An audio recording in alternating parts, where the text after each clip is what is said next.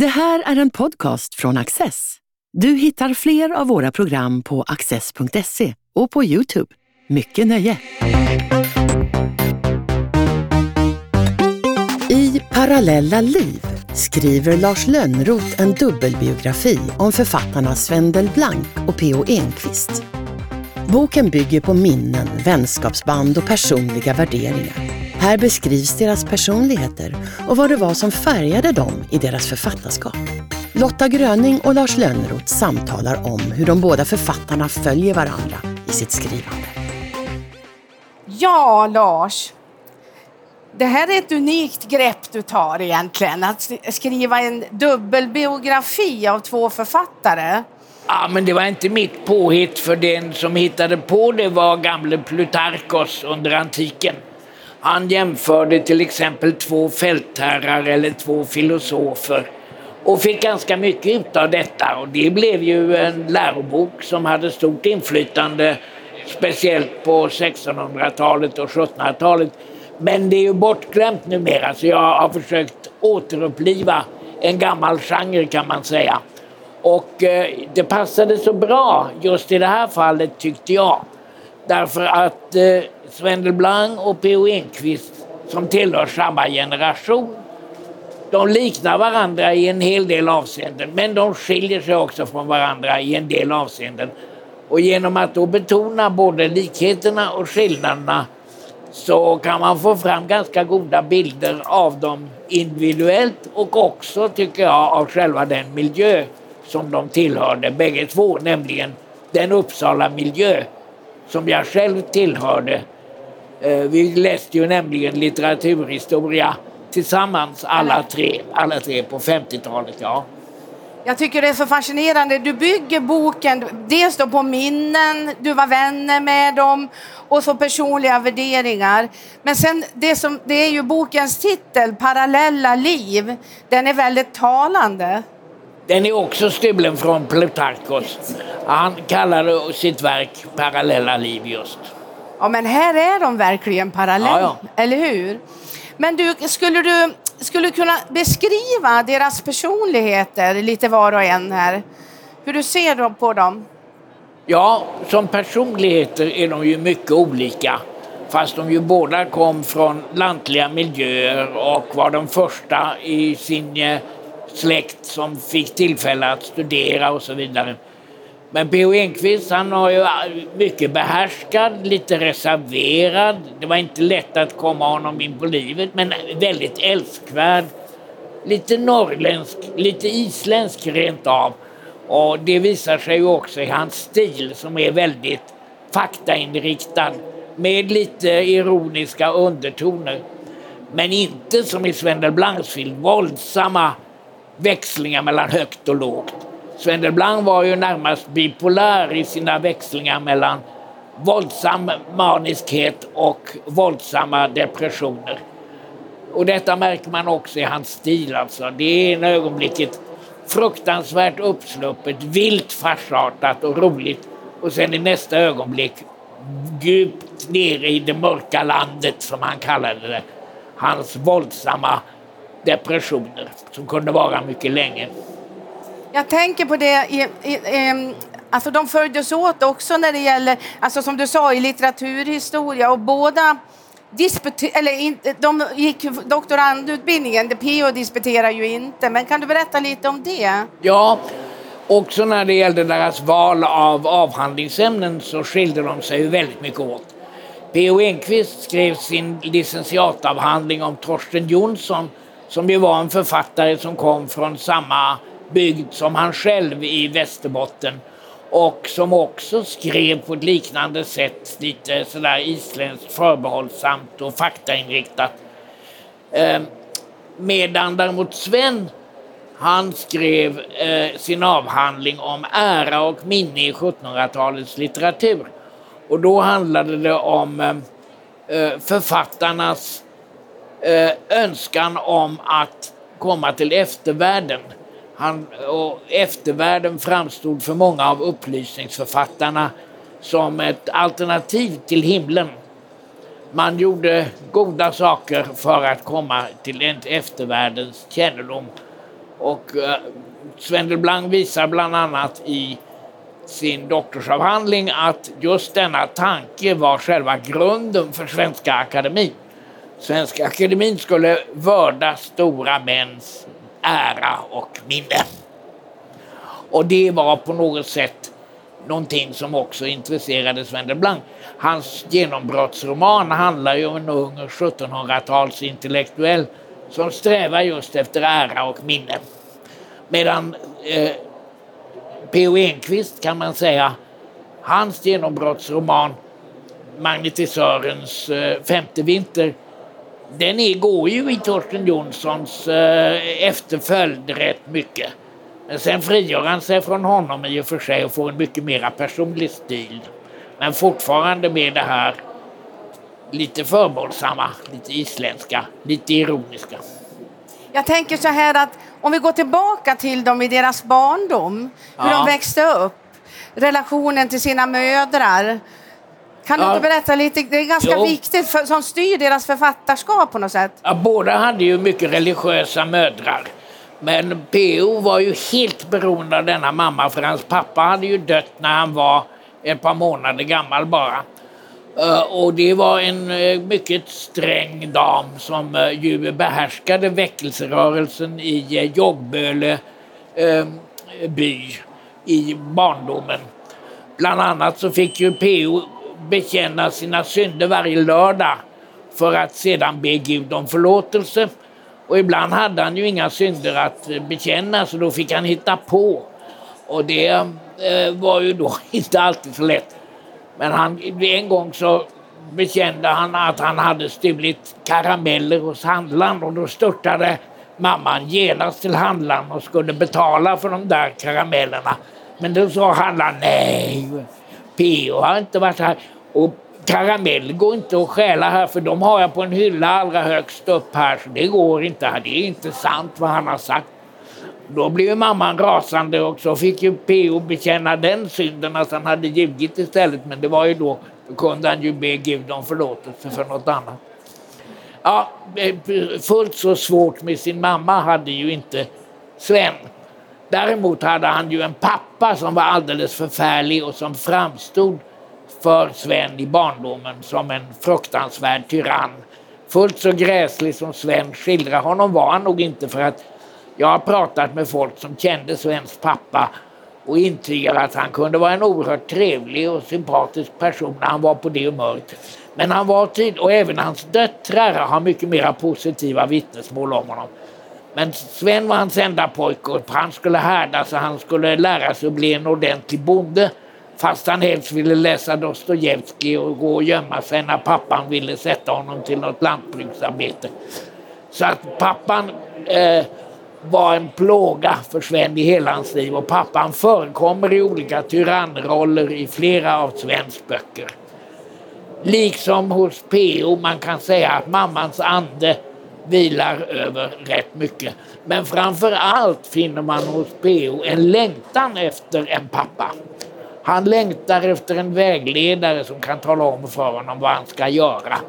Ehm, och som kan utgöra ett slags motvikt till denna mamma som han ibland tycker är lite väl jobbig. Och eh, man kan säga att, att den här fantiserade favoritpappan den dyker upp i P.O.s verk, framförallt i Kapten Nemos bibliotek som är ett av hans mästerverk. Där Kapten Nemo blir, kan man säga, just en sådan fadersfigur för huvudpersonen som eh, P.O. alltid har längtat efter. Det P.O. hade också, det var ju höjdhoppet. Ja. Som liksom, det, det drev han ju väldigt länge. Ja. Jo, när jag träffade P.O. första gången, det var hemma hos Lars Gustafsson i Uppsala. Eh, de bodde på, på, hos samma inackorderingstant. Och eh, när jag kom dit och träffade P.O. så skröt P.O. om sitt höjdhopp. Men varken jag eller Lars Gustafsson var ju särskilt intresserade av höjdhopp, vilket gjorde PO väldigt besviken. Vi skröt istället med våra intellektuella bravader. Vilket PO har konstaterat i sin självbiografi att han, blev, han kände sig lite snopen och han kände sig då som en lantis att han, eh, att han inte, inte ens med sina höjdhoppsresultat kunde imponera på de där små snobbarna. Han tyckte också att vi var väldigt små. Själv var ju P.O. en lång och ståtlig person. Men Sven Delblancs mamma, han ser, hon var lite förtryckt. Ja. Ja. Och, eh, fast kanske inte fullt så förtryckt som Sven skildrar henne. Hon var ju den eh, litterärt intresserade i familjen. Hon hade ju en tag haft en kärlekshistoria med kritikern Knut Jansson och ville skilja sig från sin man som också hon tyckte var väldigt tyrannisk. Men då hotade han eh, med att ta barnen ifrån henne om eh, hon försökte detta. Och eh, därmed så blev det ingen skilsmässa.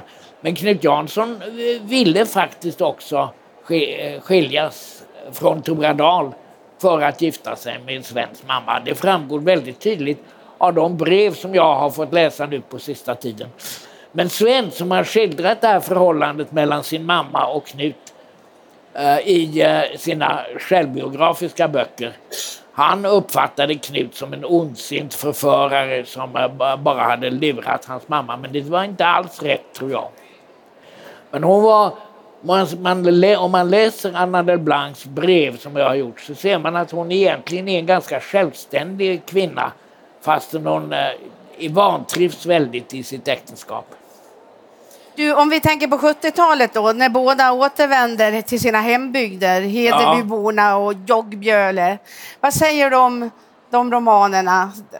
Ja, alltså jag tycker att, att både Svens första Hedebyroman, Åminne, och P.O.s eh, Musikanternas intåg och ännu mera Eh, Kapten Nemos bibliotek som ju båda två utspelar sig i Joggböle är lysande verk. Eh, Sven skrev ju också fortsättningar på Åminne. Eh, som jag, där går kvaliteten lite ner tycker jag. Men de är ju fantastiskt roliga. Alltså, det är en blandning av folklustspel och tragedi och samhällsskildring på en gång. Som är mycket märklig. Um, och som är något alldeles speciellt Sven Delblancs skulle jag vilja säga. Eh, medan eh, P.O. skildrar ju framförallt motsättningen mellan eh, socialismen och väckelserörelsen i hans hembygd. Och det gör han mycket bra. Va? Och han ser det så också som en eh, konflikt mellan tro och vetande. För Brevo är ju själv socialist vid den tiden när han skriver det här. Eh, och eh, Eh, eh, det eh, gör att hans bygdeskildring inte bara blir en bygdeskildring utan också en, en, en social eh, historisk skildring av betydelse. Och det tycker jag också man kan säga om Svens Hedeby-böcker. Även om det ibland kanske blir lite för mycket folklustspel. Just det här folklustspelsidan kommer ju att betonas också väldigt mycket i tv-versionen av Hedebyborna. Eh, men jag, jag tycker att Ska man läsa en av, av Svens Hedeby-böcker så är det den första, Åminne, som är fantastisk, alltså med en underbar fantasi. Och med just dessa eh, för Sven så speciella växlingar mellan, som han själv brukade säga, jag är en blandning mellan Dostojevskij och eh, slapstickfars. Och ibland kan slapstickfarsen ta över och ibland så tar Dostojevskij-sidan över. Men blandningen blir unik för Sven. Jag tänker också lite grann på hans mamma. Då tänker jag på i Hedeby då, när, när baron von Ursula, hela imperiet håller på att falla och Louise sitter eh, där och, och röker sin cigarett i tv-serien då och säger så här, ja vad ska en stackars dam som jag göra som bara kan prata franska och spela piano? det, och det visar lite grann också det här undertryckta. Men, men jag tänker på båda romanerna har ju väldigt mycket religiösa inslag. Även musikanternas eh, uttåg, alltså som till exempel den här äh, äh, mötet i Bure, för, för, för, Bure fristående arbetarförening, deras första möte. När den här skräddaren, kommer du ihåg det, Rudolf med pinten? Som, som blev religiös och satt i fängelse, som började ta den här det, det religiösa liknelsen med vingårdsarbetarna för att de skulle förstå att de skulle vara solidariska och ställa upp och inte by, liksom ställa upp på arbetsgivarens sida. Det är så tydliga religiösa inslag där. Ja, och de religiösa inslagen blir ju ännu starkare i Kapten Nemos bibliotek. Ja. Och överhuvudtaget senare alltså till, han skriver ju en stor roman om Levi Petrus, Levis resa, som ju eh, i hög grad handlar om eh, väckelserörelsen.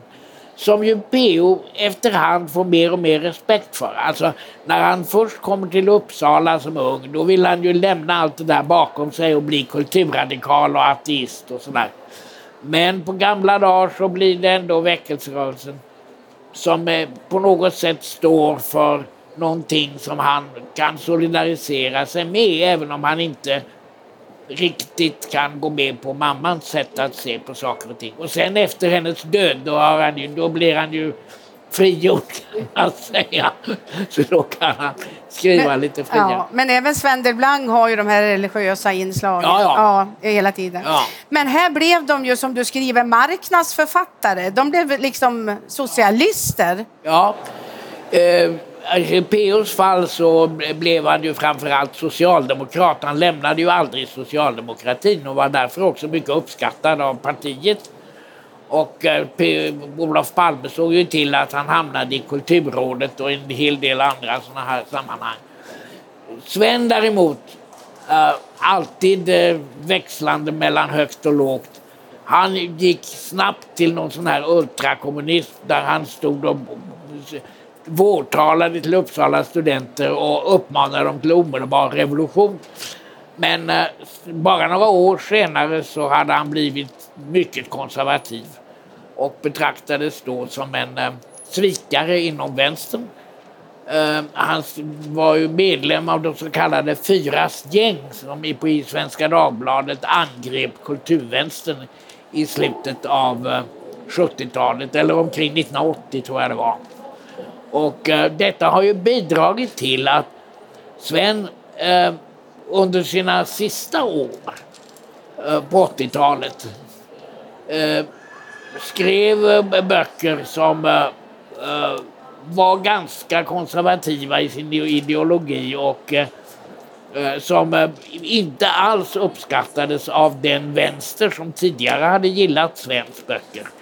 Framförallt boken Moria land som handlar om hur eh, Sverige förvandlas till någon slags Sovjetrepublik. Eh, det är en ganska otäck men, men väldigt fin berättelse. Men den uppfattades ju som eh, att Sven nu hade blivit ärkereaktionär. Alltså. Kom inte det att handla lite grann efter IB-affären, att båda börjar liksom eh, ifrågasätta folkhemmet på något sätt? Jo, det kan man säga, fast Sven gjorde det mycket mera. Alltså han, eh, Sven eh, talade ju om, eh, om folkhemmet som ett horhus och så vidare i den stilen. Det skulle aldrig PO ha gjort. Däremot kallade ju PO Kambodja för ett horhus och eh, eh, stödde för ett ögonblick Pol Pot. Men det gjorde andra socialdemokrater också, till exempel Birgitta Dahl Sen fick de ångra sig när de upptäckte vilken skurk Pol Pot egentligen var. Jag tänker på Sven också. Alltså båda har ju skrivit om Selma Lagerlöf. Ja. Och Sven också då. Och blev lite oförtjänt beskylld. Ja, alltså det är ju en av de saker som Sven har fått lida för i efterhand. Att han eh, enligt feministers uppfattning nedvärderade Selma Lagerlöf men i själva verket så älskade ju Sven Selma Lagerlöf. Han gav ju ut en stor utgåva av hennes skrifter och där lovprisade han henne väldigt. Men när det kom till att han skulle skriva om Selma Lagerlöf för vår litteraturhistoria, den svenska litteraturen, som han och jag tillsammans redigerade på 80-talet, då skulle han ju liksom komma med något nytt och försöka skriva lite annorlunda än vad han tidigare hade skrivit. Och då hade han där en slutkläm som handlar om att Selma Lagerlöf uppfann egentligen aldrig någonting nytt och det, man kan inte påstå att hon var särskilt intellektuell och så vidare. och så vidare. Men, kommer det till sist, att hon var genial genom sin sagoberättartalang och så vidare i den stilen.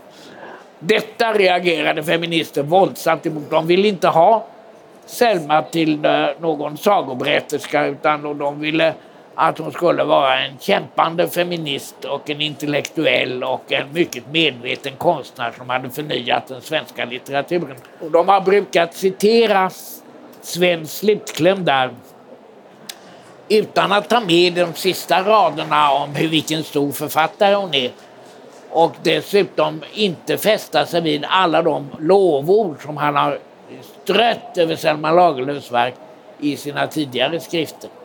Så det tycker jag är lite orättvist.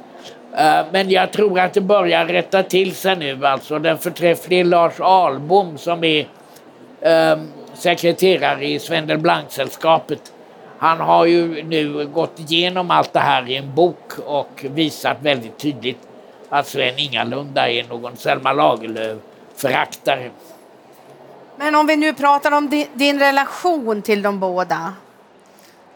Ja, alltså jag var ju mycket närmare vän med Sven än med PO. Eh, vi samarbetade ju bland annat som litteraturforskare. Det gjorde vi redan i ungdomen och sen gjorde vi det ju igen på gamla dagar när vi eh, redigerade den svenska litteraturhistorien tillsammans. Eh, och vi eh, anförtrodde varandra allt möjligt om, om, och så. Så den nära vänrelationen hade jag ju aldrig till PO. Eh, som ju som sagt var lite förbehållsam och sådär. Men ett älskvärt och vänligt förhållande hade vi alltid. Eh, under senare år så träffade jag ju inte PO heller så ofta. Eh, men när vi träffades, och det var ofta just på bokmässan här, så var det alltid eh, väldigt eh, goda relationer och sådär men inte, inte den eh, väldigt intima vänskap som jag hade med Sven. Du skriver också att, att det var, det, du har nämnt boken många, många gånger nu, Kapten Nemos bibliotek. Ja. ja att, att det var då som du insåg P.O. Enquists storhet som författare. Ja. ja, det var det för att jag måste erkänna att dessförinnan så hade jag ju sett honom som ett slags journalistisk begåvning och eh, en eh, skicklig dokumentärförfattare och sådär. Men det var först med Kapten Nemo och också några andra verk som han skrev i ungefär den där tiden som jag insåg vilken verkligt betydande författare det hade blivit. Han, han, råk, han, det var ju så att han övergav sin fru i Uppsala och eh, gifte sig med Lone Bastholm som på den tiden ju var en av Danmarks främsta regissörer och blev teaterchef på, eh, på Den Kongelige Teater. Vilket ju innebar en, en, en eh, fantastisk karriärmöjlighet för PO för att genom Lone Bastholm så kom ju hans eh, dramatik att spelas i Köpenhamn och över hela världen. Han blev plötsligt en världsberömd teaterman. Men han hade fruktansvärda skuldkänslor för att han hade övergivit sin familj på det här viset och offrat sin fru och sina barn för karriären och började supa och eh, söp ner sig någonting alldeles fruktansvärt. Men ur denna alkoholism och denna kris så kom det någonting nytt fram och det som kom fram det var Kapten Nemos bibliotek som han själv skriver räddade honom ur alkoholismen. När han hade skrivit färdigt den boken så slutade han supa. Drack aldrig en droppe sprit därefter. Och eh, skilde sig dessutom från Lone Bastholm och flyttade tillbaka till Sverige. Han gifte dock inte om sig med sin första fru men, men eh, han, det var ett mera vänskapligt förhållande än vad som tidigare hade varit. Jag tänker på Sven då. Du skriver också på ett ställe där att du alltid hade sett honom som din själsfrände. Men du fick en insikt när du läste, eller meningsfrände, du fick en, en insikt när du läste hans roman Åsnebryggan. Ja, eh, och även andra verk. Alltså, det var ju så att vi var ju båda aktiva i föreningen Verdandi i Uppsala som ju var en utpräglat kulturradikal förening. Och eh, där hade jag alltid en känsla av att Sven och jag hade samma åsikter. Men vad han dolde för mig, det var alltså den ångest han hade och de, och de tvivel han hade egentligen på de här eh, frigjorda och kulturradikala idealen som vi eh, gick in för i Verdandi. Ehm, det insåg jag redan före Åsnebrygga i och för sig. Det som gjorde mig förbannad i Åsnebrygga det var ju att han det var när han vikarierade på min tjänst i eh, Berkeley i USA. Ehm, och eh, och alltså då gjorde han, han för, inför mig så, så framställde han det som att han hade gillat att vara där och trivts med det hela. Eh, men eh, avslöjade ju att så var ingalunda fallet. Och eh, han skildrade ju dessutom väldigt hånfullt hela den, man ska vi säga, vänsterliberala anda som fanns bland studenter och professorer där. Medan Sven då gick ju, han började ju skriva positivt om Svarta pantrar och andra eh, långt ut på den vänsterradikala eh, skalan. Eh, och eh, dessutom så påstod han att han hade varit med om demonstrationer. Det var han aldrig, kunde mina studenter intyga som hade hållit öga på Sven under den här Då fick du omvärdera lite grann? Ja, jag fick omvärdera. Och det ledde faktiskt till att vi var ovänner i flera år. Men sen försonades vi ju på, eh, mot slutet av 70-talet. När Sven hade övergivit de här eh, revolutionära idéerna som han hade ett tag. Och eh, eh, sen så var vi ju mycket kompisar under arbetet med litteraturhistorien. Det fungerade bra. Eh, om Kapten Nemos eh, bibliotek är P.O.s mästerverk, vilket är då Sven Delblancs? Ja, eh, jag tycker han har skrivit flera mästerverk och också flera böcker som inte är bra. Sven var ju väldigt ojämn. Men bland hans mästerverk skulle jag vilja nämna Speranza som kom någon gång i slutet på 70-talet och som handlar om ett slavskepp där det finns en ung upplysningsman som vill befria slavarna men som så småningom övertygas av slavägarna att eh, han ska vara på deras sida. Han slutar som en fruktansvärd slavdrivare själv. Alltså det är en sån här historia som kan inordnas under rubriken De upprorda, upp, de eh, uppskjutna eh, upprorens tid kan man säga. Vid det laget hade ju Sven också blivit desillusionerad på vänstern och såg vänstern som just såna här vindflöjlar som kunde gå från radikalism till förtryck och så vidare. Tusen tack! Tack!